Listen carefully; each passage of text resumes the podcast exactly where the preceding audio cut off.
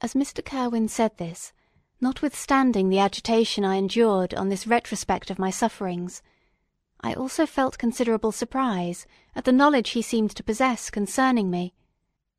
I suppose some astonishment was exhibited in my countenance, for Mr. Kirwin hastened to say, "It was not until a day or two after your illness that I thought of examining your dress, that I might discover some trace by which I could send to your relations an account of your misfortune and illness.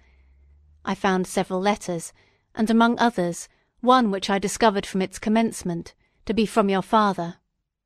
I instantly wrote to Geneva. Nearly two months have elapsed since the departure of my letter. But you are ill. Even now you tremble. You are unfit for agitation of any kind. The suspense is a thousand times worse than the most horrible event. Tell me what new scene of death has been acted, and whose murder I am now to lament. Your family is perfectly well, said Mr. Kirwin with gentleness, and someone, a friend, is come to visit you. I know not by what chain of thought the idea presented itself, but it instantly darted into my mind that the murderer had come to mock at my misery and taunt me with the death of Clerval, as a new incitement for me to comply with his hellish desires. I put my hand before my eyes, and cried out in agony, "Oh, take him away! I cannot see him! For God's sake, do not let him enter!" Mr. Kirwin regarded me with a troubled countenance. He could not help regarding my exclamation as a presumption of my guilt, and said in rather a severe tone, "I should have thought, young man, that the presence of your father would have been welcome, instead of inspiring such violent repugnance." "My father!" cried I, while every feature and every muscle was relaxed from anguish to pleasure. "Is my father indeed come? How kind! How very kind!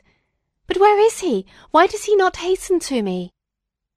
My change of manner surprised and pleased the magistrate. Perhaps he thought that my former exclamation was a momentary return of delirium, and now he instantly resumed his former benevolence. He rose and quitted the room with my nurse, and in a moment my father entered it. Nothing at this moment could have given me greater pleasure than the arrival of my father. I stretched out my hand to him, and cried, "Are you then safe? And Elizabeth, and Ernest?" My father calmed me with assurances of their welfare, and endeavoured, by dwelling on these subjects so interesting to my heart, to raise my desponding spirits, but he soon felt that a prison cannot be the abode of cheerfulness. "What a place is this that you inhabit, my son?" said he, looking mournfully at the barred windows and wretched appearance of the room. You travelled to seek happiness, but a fatality seems to pursue you. And poor Clerval! The name of my unfortunate and murdered friend was an agitation too great to be endured in my weak state. I shed tears. Alas! alas! yes, my father, replied I. Some destiny of the most horrible kind hangs over me, and I must live to fulfil it, or surely I should have died on the coffin of Henry. We were not allowed to converse for any length of time, for the precarious state of my health rendered every precaution necessary that could ensure tranquillity. Mr. Kirwin came in and insisted that my strength should not be exhausted by too much exertion. But the appearance of my father was to me like that of my good angel, and I gradually recovered my health. As my sickness quitted me, I was absorbed by a gloomy and black melancholy that nothing could dissipate. The image of Clerval was for ever before me, ghastly and murdered. More than once the agitation into which these reflections threw me made my friends dread a dangerous relapse. Alas! why did they preserve so miserable and detested a life? It was surely that I might fulfil my destiny, which is now drawing to a close. Soon, oh very soon, will death extinguish these throbbings, and relieve me from the mighty weight of anguish that bears me to the dust. And in executing the award of justice, I shall also sink to rest. Then the appearance of death was distant, although the wish was ever present to my thoughts, and I often sat for hours motionless and speechless, wishing for some mighty revolution that might bury me and my destroyer in its ruins. The season of the assizes approached. I had already been three months in prison, and although I was still weak and in continual danger of a relapse, I was obliged to travel nearly a hundred miles to the county town where the court was held. Mr. Kirwin charged himself with every care of collecting witnesses and arranging my defence. I was spared the disgrace of appearing publicly as a criminal, as the case was not brought before the court that decides on life and death. The grand jury rejected the bill on its being proved that I was on the Orkney Islands at the hour the body of my friend was found, and a fortnight after my removal I was liberated from prison. My father was enraptured on finding me freed from the vexations of a criminal charge, that I was again allowed to breathe the fresh atmosphere, and allowed to return to my native country. I did not participate in these feelings, for to me the walls of a dungeon or a palace were alike hateful. The cup of life was poisoned for ever, and although the sun shone upon me as upon the happy and gay of heart, I saw around me nothing but a dense and frightful darkness, penetrated by no light but the glimmer of two eyes that glared upon me. Sometimes they were the expressive eyes of Henry, languishing in death, the black orbs nearly covered by the lids, and the long black lashes that fringed them.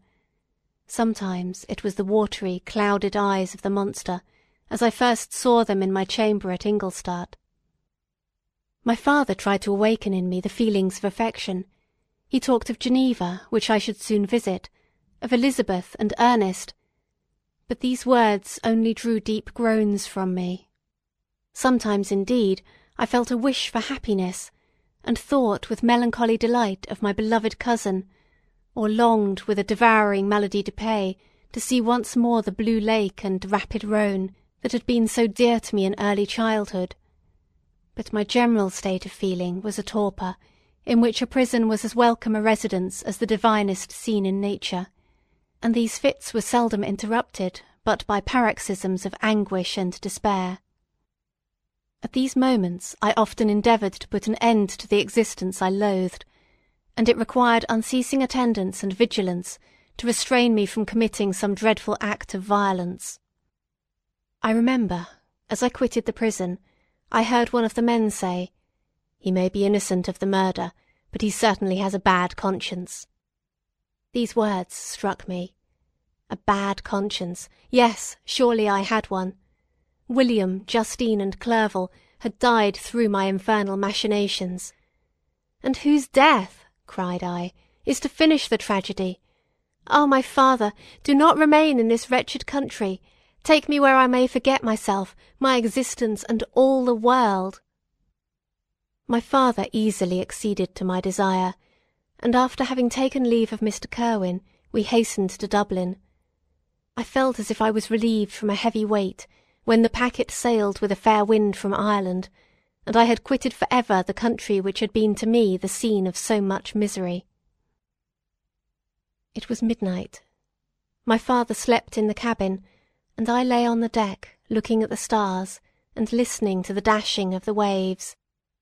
I hailed the darkness that shut Ireland from my sight, and my pulse beat with a feverish joy when I reflected that I should soon see Geneva.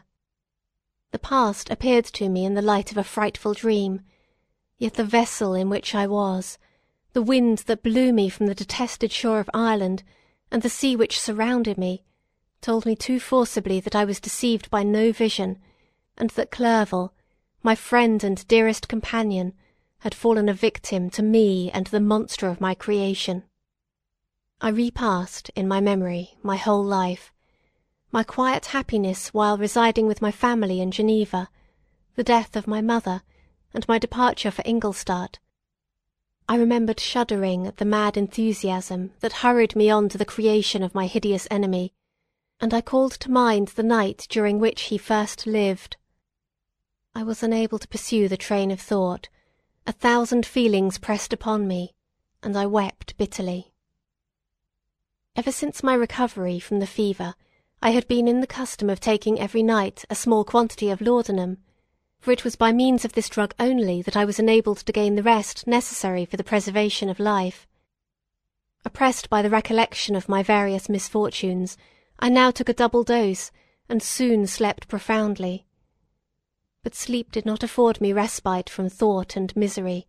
My dreams presented a thousand objects that scared me. Towards morning I was possessed by a kind of nightmare.